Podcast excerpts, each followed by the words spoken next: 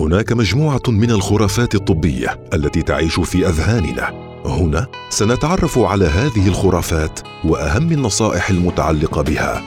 سمعتوا عن المعلومة اللي تقول إن العصبية تجعل الشعر ابيضا. أيضا يقال إن الخوف والحزن يسبب الشيب المبكر.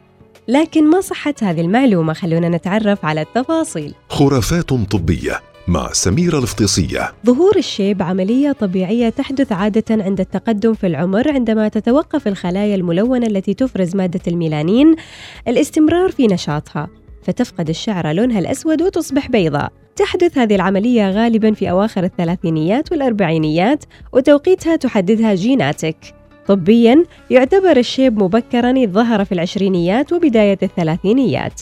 بعض الأسباب الطبية اللي تسبب الشيب المبكر هي مرض البهاق حيث تفقد الخلايا الملونة بالجلد مقدرتها على إفراز الميلانين فتظهر مناطق من الجلد بيضاء اللون. وحين يصيب المرض فروة الرأس فإن الشعر يفقد لونه الطبيعي ويصبح أبيض اللون. نقص فيتامين باء، نقص الزنك، خمول الغدة الدرقية ونقص إفرازات الغدة النخامية.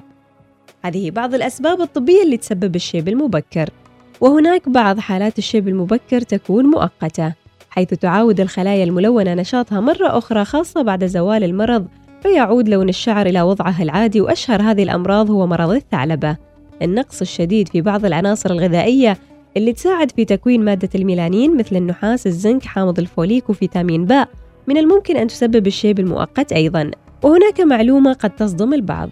التدخين قد يسبب الشيب المبكر وذلك حسب دراسة أجريت في جامعة لانكشير البريطانية في عام 1997 أما عن الحقيقة العلمية فالعصبية والخوف والحزن كلها لا تسبب الشيب المبكر خرافات طبية مع سميرة الفطيسيه يوميا في الأوقات التالية.